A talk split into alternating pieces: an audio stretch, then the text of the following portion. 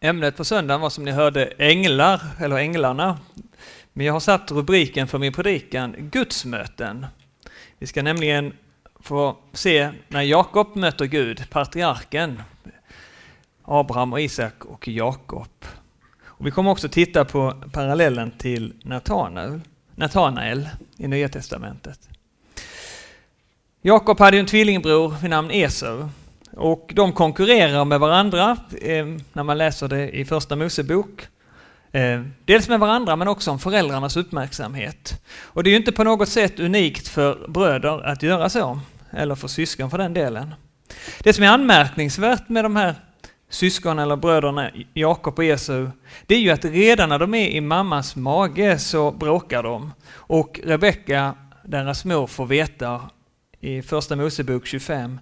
Två folk finns i ditt moderliv, två folkstammar skall ur ditt sköte gå skilda vägar.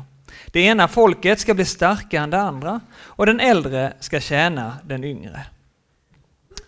Men inte bara det att de bråkar utan också föräldrarna tar parti för var sitt barn.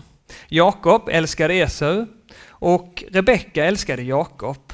Och de blir därmed också en del av den konflikt som är under ja, deras liv så att säga, eller delar av deras liv.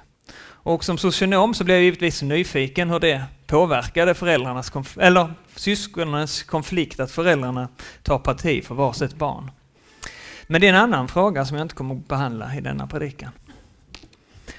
Längre fram i livet, jag vet inte hur gammal Jakob är när han utnyttjar Esaus hunger när han varit ute och jagat och varit utan mat alldeles för länge. Så att han ger honom mat i utbyte mot först, förstfödslorätten. Den rätt som gav förste sonen dubbel arvslott. Och det är anmärkningsvärt, dels hur slug Jakob är eh, för att få den här förstfödslorätten. Men också hur likgiltig Esau är inför detta. Däremot så verkar inte föräldrarna veta någonting om denna försäljning som sker mellan sönerna. För när Isak är på väg att dö så ska han ju välsigna den äldste sonen och därmed också ge arvet vidare.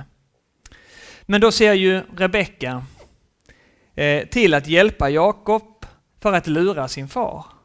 Och Jakob utger sig för att vara Esau medan Esau fått uppdrag att bege sig ut i vildmarken för att fånga ett byte och tillreda en måltid och därmed få välsignelse av Isak. Och under tiden så passar Jakob och e- Rebecka på att laga en god middag och lura Isak. Eh, när Esau är tillbaka för att få sin fars välsignelse så inser ju Isak, pappa Isak, att han har blivit lurad och säger Din bror kom med svek och tog din välsignelse. Då sa Esau, heter han inte Jakob? Det betyder bedragare. Och nu hade och nu har han bedragit mig två gånger. Min förstfödslorätt har han tagit och nu har han också tagit min välsignelse. Efter denna händelse så börjar Esau hata sin bror Jakob. Och han går med mord i tankarna, står det.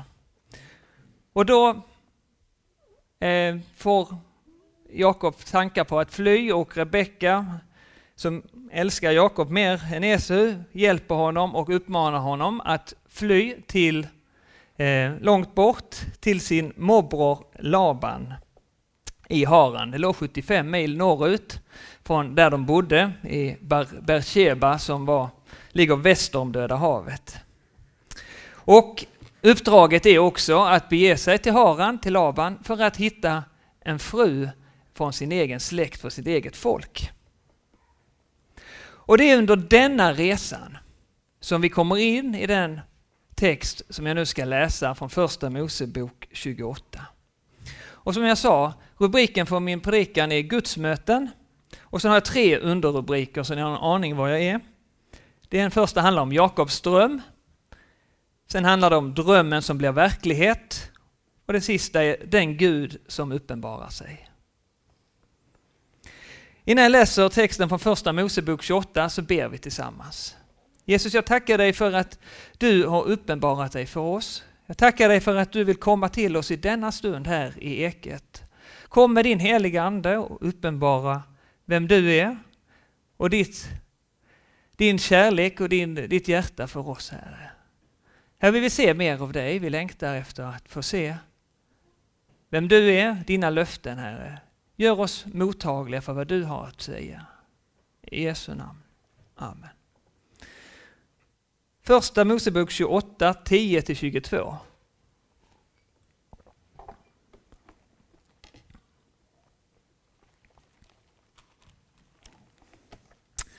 Jakob eh, Jakobs dröm i Betel. Jakob lämnade Bersheba och begav sig mot Haran. Han kom till en plats där man måste stanna över natten, ty solen hade gått ner. Och han tog en av stenarna på platsen för att, under, för att ha under huvudet och la sig att sova. Då hade han en dröm. Han såg en stege vara rest på jorden. Den nådde ända upp till himlen och Guds änglar steg upp och ner på den. Och se, Herren stod ovanför den och sa Jag är Herren, din fader Abrahams Gud och Isaks Gud. Det land där du ligger ska jag ge åt dig och din efterkommande. Dina avkomma ska bli som stoftet på jorden och du ska utbreda dig åt väster och öster, norr och söder. Och genom dig och din avkomma ska alla folkslag på jorden bli välsignade. Och se, jag är med dig och ska bevara dig vart du än går. Och jag ska föra dig tillbaka till detta land. Jag ska inte överge dig intill dess att jag har gjort vad jag har lovat dig. När Jakob vaknade upp ur sömnen sa han Herren är verkligen på denna plats och jag visste det inte. Han greps av fruktan och sa Hur helig, hur helig är inte denna plats? Det måste vara Guds boning, ja, här i himlens port. Tidigt på morgonen steg Jakob upp och han tog stenen som han hade vilat sig mot och reste den till en stod och göt olja över den. Och han kallade platsen Betel. Tidigare hette denna stad Lus. Jakob gav ett löfte och sa om Gud är med mig och bevarar mig under den resa som jag nu gör och ger mig bröd att äta och kläder att ta på mig och jag kommer tillbaka till min fars hus i frid, då skall Herren vara min Gud. Och stenen som jag har rest till en stod ska bli ett Guds hus och av allt som du ger mig ska jag ge dig tionde.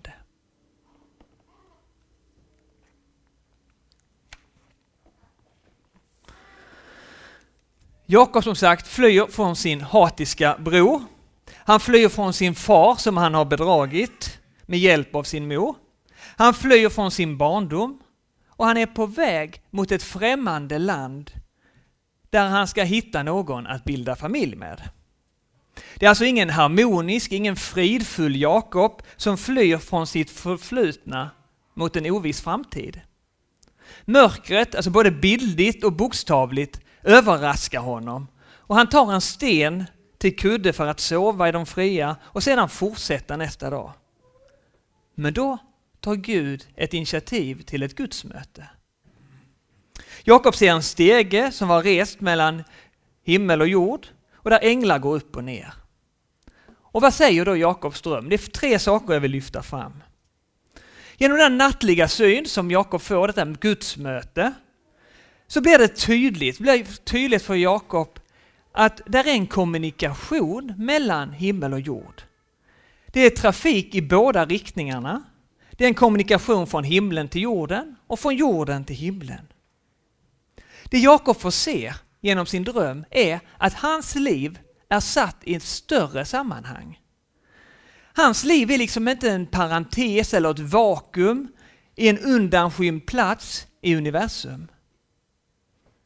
Gud vill helt enkelt med denna syn få Jakob att öppna ögonen kanske inte bokstavligt, men att se att det finns en större verklighet än den vardag han lever i. En verklighet som handlar om ett kosmiskt drama, en frälsningsplan för hela världen. Det är det första, det finns en större verklighet. Jakobs dröm vill säga. Det andra Gud vill säga genom denna uppenbarelsen, det är att Jakob får veta att han är ett redskap i Guds hand. Och att denna uppenbarelse har ett tydligt budskap, det ser vi av de två, det ordet se som återkommer två gånger. I vers 13 och vers 15. Och se, Herren stod ovanför. Och i vers 15. Och se, jag är med dig. Det är så någonting oväntat. Likt änglarna mm, som möter herdarna och ser så var fylld av himlens eh, änglar som sjöng för herdarna. Här är också det här ordet se som någonstans stryker under att det är någonting oväntat, något stort, något avgörande som Gud vill tala till Jakob om. Ett Guds tilltal. Den Jakob som själv har försett sig med allt det han ansåg värdefullt eh, tidigare genom att ljuga och bedra. Han möter nu den levande guden. Den Gud som inte är ett resultat av Jakobs fantasi utan den Gud som visar på att det är en ständig kommunikation mellan himmel och jord och jord och himmel.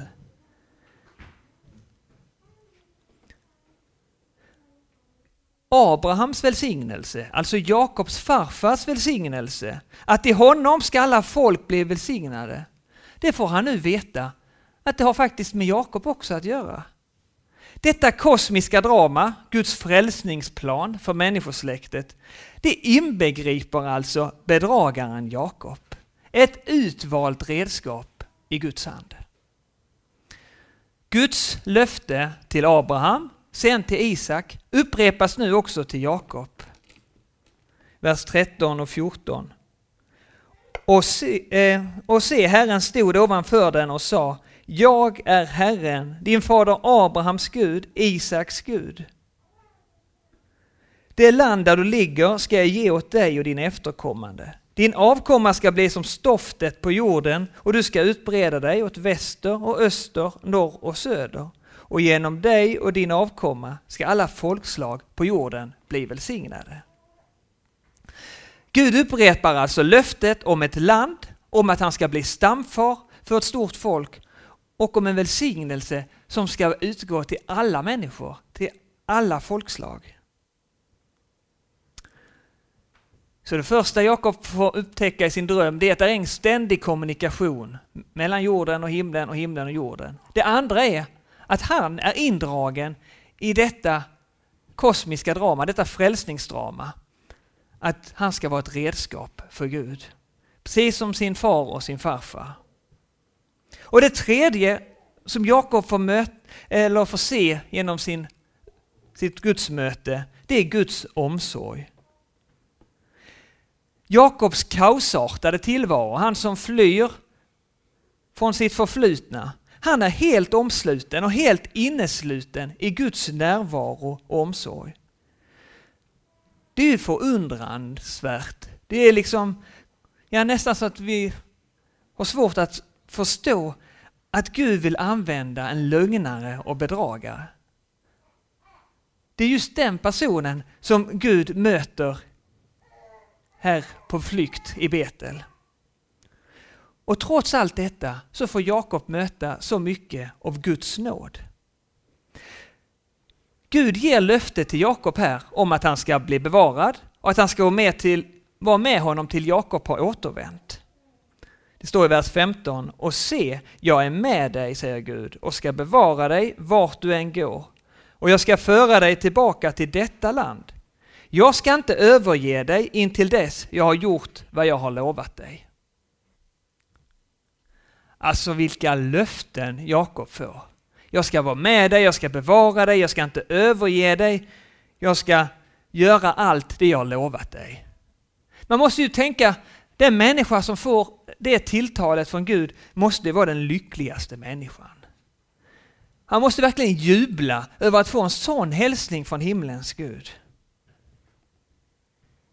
Det som händer med Jakob kanske är nästan ett tvärtom.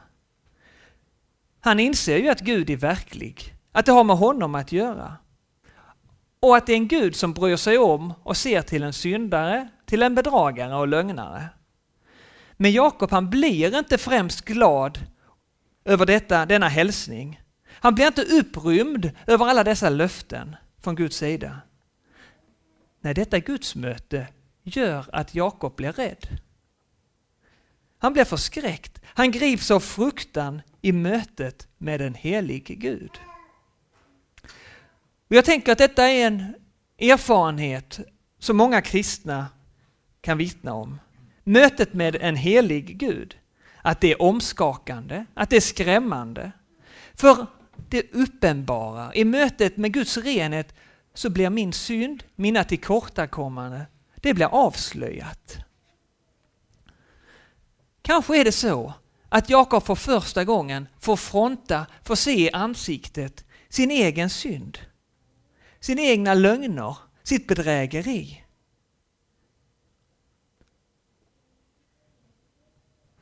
Och så grips han av fruktan, av rädsla, när han ser sig stå vid himlens port. För där avslöjas, i Guds helighet, i Guds härlighet, så blir Jakobs synd, hans tillkortakommande, de blir uppenbara, även för Jakob. Han kan inte förneka det. Gud ger härliga löften till Jakob som ett uttryck för Guds nåd. Men det är värt att lägga märke till att för Jakob i sin situation så upplever han, så möter han Guds helighet. Det är som om Guds härlighet den bara avslöjar, den bara lyser på Jakob och han står där avklädd inför himmelens port. Och med denna syn och med denna insikt så säger Jakob, Herren är verkligen på denna plats och jag visste det inte. Det var överraskande. Han greps av fruktan och sa, hur helig är inte denna plats? Det måste vara Guds boning, ja här är himlens port. Det är liksom som att de keruber, de, ja, om det är änglar som vaktar ingången till Edens lustgård, nu också står här och hindrar Jakob att komma inför Gud när han ger i denna syn. Men Guds löften till Jakob står fast. Även när Jakob ser en, eller möter en helig Gud. Detta var den första delen om Jakobs dröm.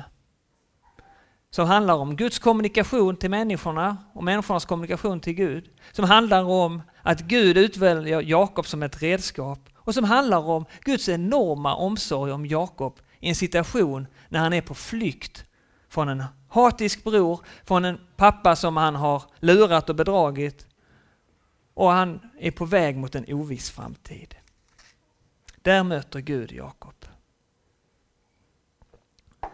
Den andra delen här, drömmen som blir verklighet. I Johannesevangeliet, särskilt det första kapitlet, så finns det väldigt många kopplingar mellan eh, liksom Nya Testamentet och Gamla Testamentet, eller Jesus och Gamla Testamentet. Och mötet mellan Natanael och Jesus, det är inget undantag. Och när Jesus möter Natanael i Johannes evangeliet kapitel 1 så är det en parallell till Jakobs liv. Natanael får ett gudsmöte han inte hade räknat med. Vi ska läsa från Johannes evangeliet kapitel 1, vers 45 till 51. Filippus fann Natanael och sa till honom, den som Mose har skrivit om i lagen och som profeterna har skrivit om. Honom har vi funnit, Jesus Josefsson från Nasaret. Natanael sa till honom, kan något gott komma från Nasaret? Filippus svarade, kom och se. När Jesus såg Natanael komma sa han om honom, se han är en verklig israelit. I honom finns inget svek. Natanael frågade honom, hur kan du känna mig? Jesus svarade, innan Filippus kallade på dig såg jag dig där du var under fikonträdet. Natanael svarade, Rabbi, du är Guds son. Du är Israels konung. Jesus svarade honom, Därför att jag sa att jag såg dig under fikonträdet, tror du. Det som är större än detta ska du få se. Sedan sa han till honom, Amen, amen säger jag er. Ni kommer att få se himlen öppen och Guds änglar stiga upp och stiga ner över Människosonen. Natanael får alltså veta att han är en sann israelit utan svek. Och vad menar då Jesus med det uttalandet? När Natanael får av Filippus veta att de har funnit honom, alltså Messias, som Mose och profeterna vittnar om, så följer han med för att undersöka saken. Och när sedan Jesus låter Natanael förstå att han känner Natanael på djupet, så mynnar det ut i en bekännelse av Natanael. Rabbi, du är Guds son, du är Israels konung. Natanael är alltså öppen för att det han har läst i skriften, det han har studerat, att det får sitt svar i Jesus. Och det tänker jag är själva grunden till Jesu ord om Natanael, att han är en sann israelit utan svek. När Jakob möter Gud på vägen till Haran så är det början på en lång omvändelseprocess. Men det leder inte till någon direkt bekännelse, även om han förstår att Gud känner honom långt innan han ens var född. Det är Natanaels bekännelse om Jesus som Guds son som gör honom till en sann israelit utan svek. Det är inte hans stora kunskap, det är inte hans fromhet eller andra personliga meriter. Men så får Natanael också veta att större saker än att Jesus vet att han befann sig under ett fikonträd tidigare, större saker än det ska Natanael få se. Och här fortsätter parallellen med Jakobs liv.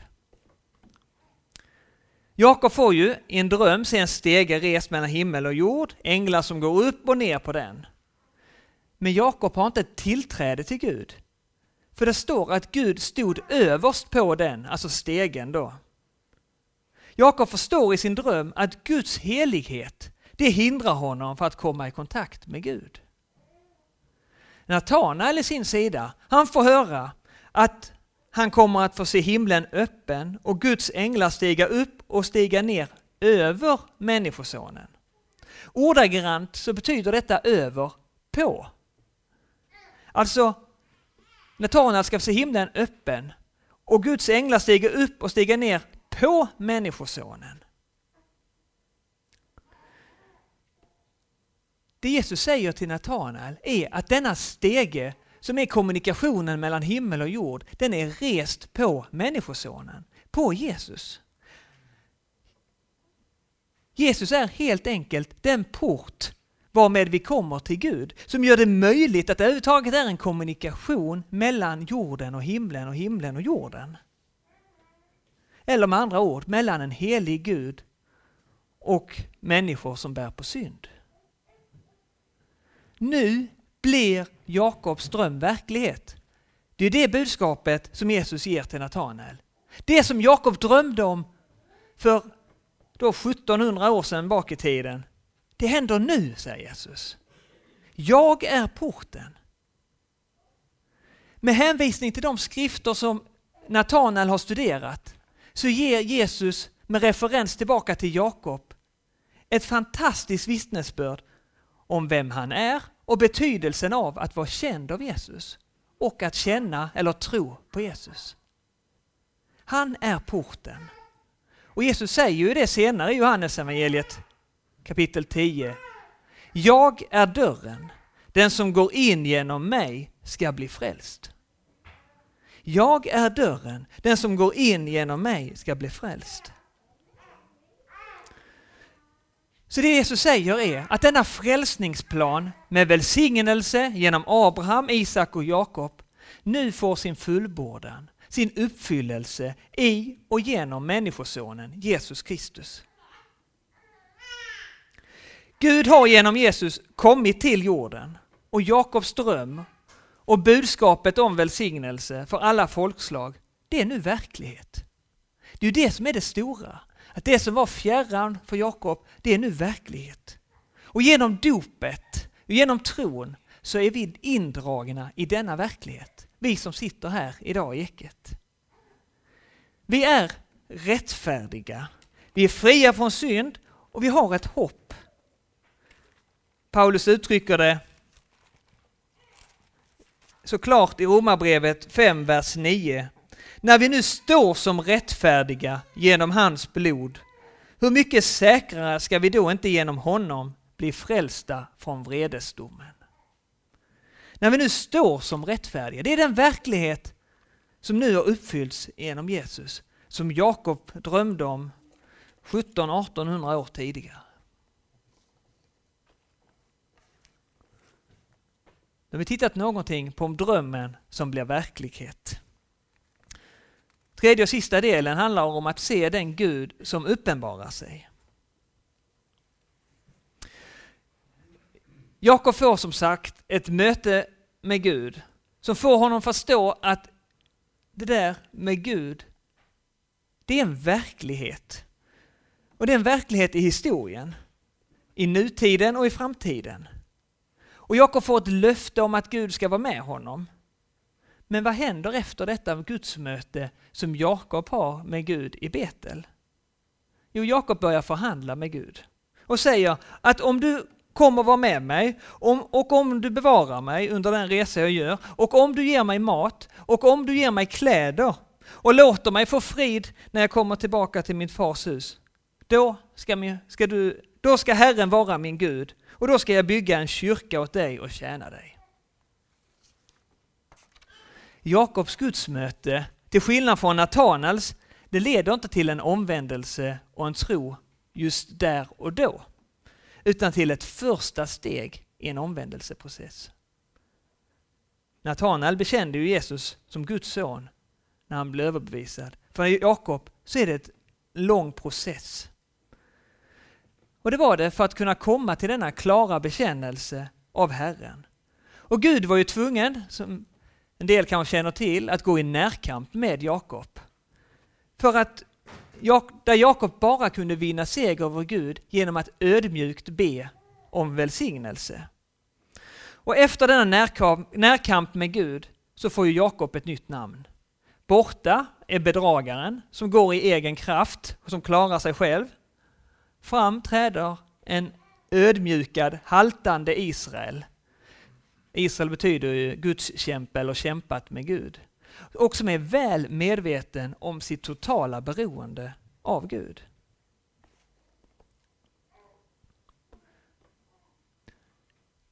Också Gud vill möta dig och mig i den situation du och jag står i. Om vi har en tydlig bekännelse eller om vi är mer slumrande vi kanske är likgiltiga eller bara allmänt liksom på glid. Kanske kan flera av oss, många av oss kan ha situationer i livet då vi har fått uppleva att Gud har varit verkligt nära. Där vi varit liksom helt övertygade om att wow, Gud talar till mig. Han är här. Han är påtagligt nära. Han har uppenbarat sig för mig. Det handlar om mitt liv det här med Jesus. Hur har den erfarenheten i så fall fått forma ditt liv?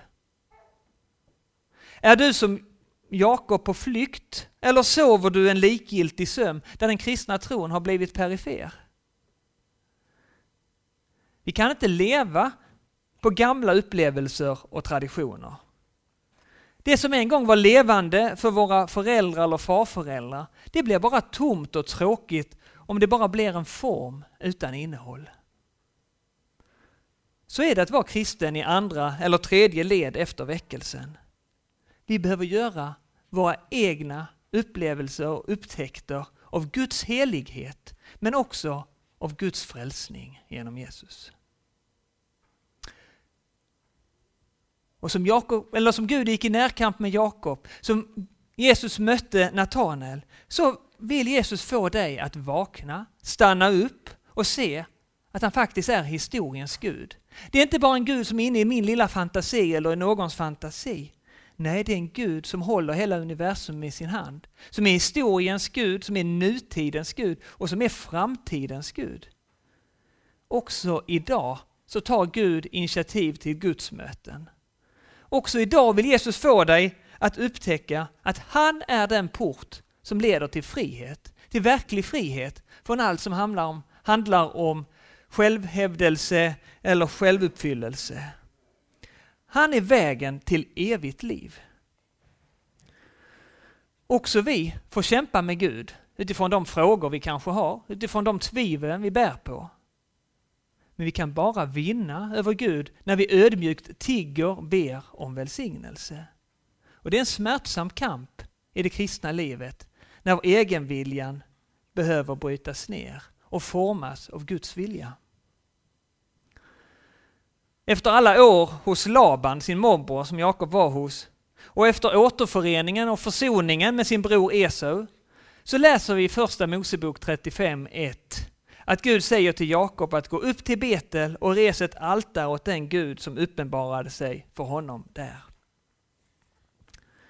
Vi läser från Första Mosebok 35, verserna 1 till 3 och 9 till 15. Gud sa till Jakob, gå upp till Betel och stanna där och res ett altare åt den Gud som uppenbarade sig för dig när du flydde från din bror Esau. Då sa Jakob till sitt husfolk och till alla som var med honom, gör er av med de främmande gudar som ni har hos er, rena er och byt kläder. Och låt oss dra upp till Betel. Där ska jag resa ett altare åt den Gud som svarade mig när jag var i nöd och som var med mig på den väg jag gick. Och från vers 9. Gud visade sig på nytt för Jakob när han kommit tillbaka från Padam Aram och han välsignade honom. Gud sa till honom, ditt namn är Jakob, men du ska inte längre heta Jakob utan Israel ska vara ditt namn. Och han gav honom namnet Israel. Gud sa till honom, jag är Gud den allsmäktige.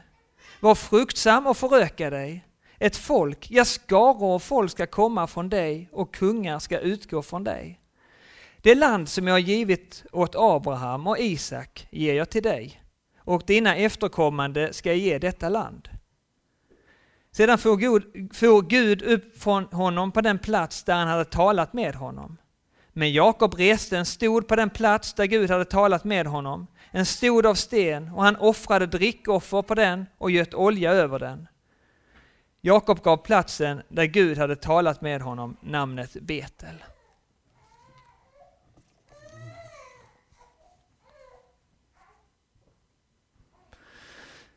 Det är anmärkningsvärt att det är först många år senare sen Jakob både varit i närkamp med Gud, han har försonats med Esau som han var jätterädd för det skulle gå. Och sen får han på nytt ett tilltal att gå tillbaka där allt började. Och då säger han, gör ni er av med era säkerhetsgudar. Nej, det säger han inte, han säger era husgudar. Men jag tänker att det är det som på något sätt det handlar om. Han har haft någon säkerhet. De här gudarna vill jag också ha, ifall den där guden inte är en hjälp. Först då är Jakob beredd att släppa den tryggheten. Det är alltså en process på många år i Jakobs liv innan han verkligen vågar bekänna och förlita sig på att Gud är den som har all makt i himlen och på jorden.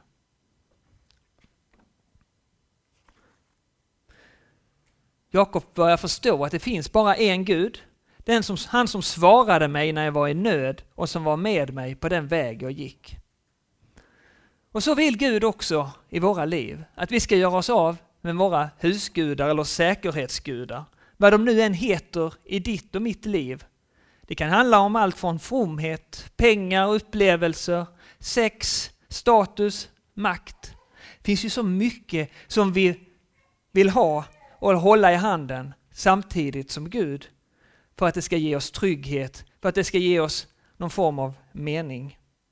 Men det finns ytterst bara en Gud. Det finns bara en Gud och det är bara han som kan svara oss och vara med oss på den väg som du och jag har framför oss. Och som Jesus har varit med våra föräldrar och farföräldrar och förfäder tidigare på deras vandringar så har Jesus lovat också oss här inne att vara med oss varje dag intill tidens slut. Och han vill, precis som med Jakob, säger han till dig att han vill föra dig tillbaka till det land där du kom ifrån. Det land som handlar om närheten till Gud, där vi får vara i gemenskap med Gud, till himmelen. Och Jesus vill få oss att förstå att han verkligen är den port som ger tillgång till Guds härlighet. Och det är faktiskt större än att som Natanael få möta Jesus in real life, i verkligheten. För då får vi vara med honom alltid och se honom sådan han är. Ibland så får vi uppleva i våra kristna liv, när vi följer Jesus, att Gud är särskilt nära. Vi kan få sådana här gudsmöten. Men många gånger så är det kristna livet vardag. Men Guds löften står fast och de kan inte ändras. Och Den heliga Ande vill öppna våra ögon att se att Bibeln och bönen, den kristna gemenskapen och nattvarden, där är Gud oss verkligt nära. Där har han lovat att möta oss. Och tänk att Gud har lovat att möta oss där. Och då kan vi med Jakob få säga, Herren är verkligen på denna plats. Och jag visste det inte. Eller jag hade glömt det. Så är det med de fyra benen. Det är platser där vi verkligen får säga, här är Guds boning. Ja, här är himlens port. Och vi får återvända till dessa platser gång efter gång i vårt kristna, vår kristna vandring, i vår vardag. Och så får löftet som Jakob får också bli ett löfte till oss som vill följa Jesus. Där Gud säger till oss var och en, och se, jag är med dig och ska bevara dig vart du än går och jag ska föra dig tillbaka till detta land eller till vårt riktiga hemland, himlen. Jag ska inte överge dig intill dess att jag har gjort vad jag har lovat dig. Det får bli också ett ord och en uppmuntran till oss här idag. Att Gud är lika angelägen att få möta oss som han var med Jakob och sen Natanael och oss här idag och så vidare. Så oavsett vilken situation du befinner dig i livet så får vi uppmuntras av eh, att tänka, genom att tänka på Jakob eh, som faktiskt inte sökte detta gudsmöte. Och han var inte heller särskilt from när han fick detta gudsmöte. Det var inte det som gjorde att Gud mötte honom. Nej, Gud sökte Jakob. Gud sökte Natanael. Och det är ju det som är vår räddning, att Gud är så mycket mer angelägen om att möta och forma oss, dig och mig, än någon av oss här inne är angelägen om att söka och möta Gud. Och det är ju det som är vår räddning och vårt hopp. Guds kärlek till dig och mig. Låt oss tacka och be. Jesus, vi tackar dig för att du ivrigt söker oss var och en. Herre, du ser att vi många gånger är som får som springer iväg. Herre, kalla på oss med din röst så att vi åter får samlas omkring dig, den gode herden. Herre. Och herre, jag ber om att vi ska få möte med dig, där vi får upptäcka både vår behov av dig, rening från synden, och om de löften och de gåvor du har att ge genom din frälsning, Herre. Herre, hjälp oss att ta emot det och styrk oss på vandringen när vi blir trötta och modlösa. Du ser hur mycket som vill få oss distraherade och gå bort från dig. Bevara oss var och en hos dig Jesus och för oss som du har lovat till det eviga målet. Vi längtar efter dig Jesus, vi vill se dig. Vi behöver dig för vår vandring. Kom du till oss var och en. Led och välsigna. Och vi ber tillsammans. Fader vår som är i himmelen. Helgat varde ditt namn. Tillkomme ditt rike. Ske din vilja så som i himmelen, så och på jorden. Vårt dagliga bröd giv oss idag och förlåt oss våra skulder så som och vi förlåta dem oss skyldiga är. Och inled oss icke i frestelse, utan fräls oss ifrån Ty riket är ditt, och makten och härligheten i evighet. Amen. Herren välsigne oss och bevara oss. Herren låter sitt ansikte lysa över oss och vara oss nådig. Herren vände sitt ansikte till oss och giv oss frid. I Faderns, Sonens och den helige Andes namn. Amen.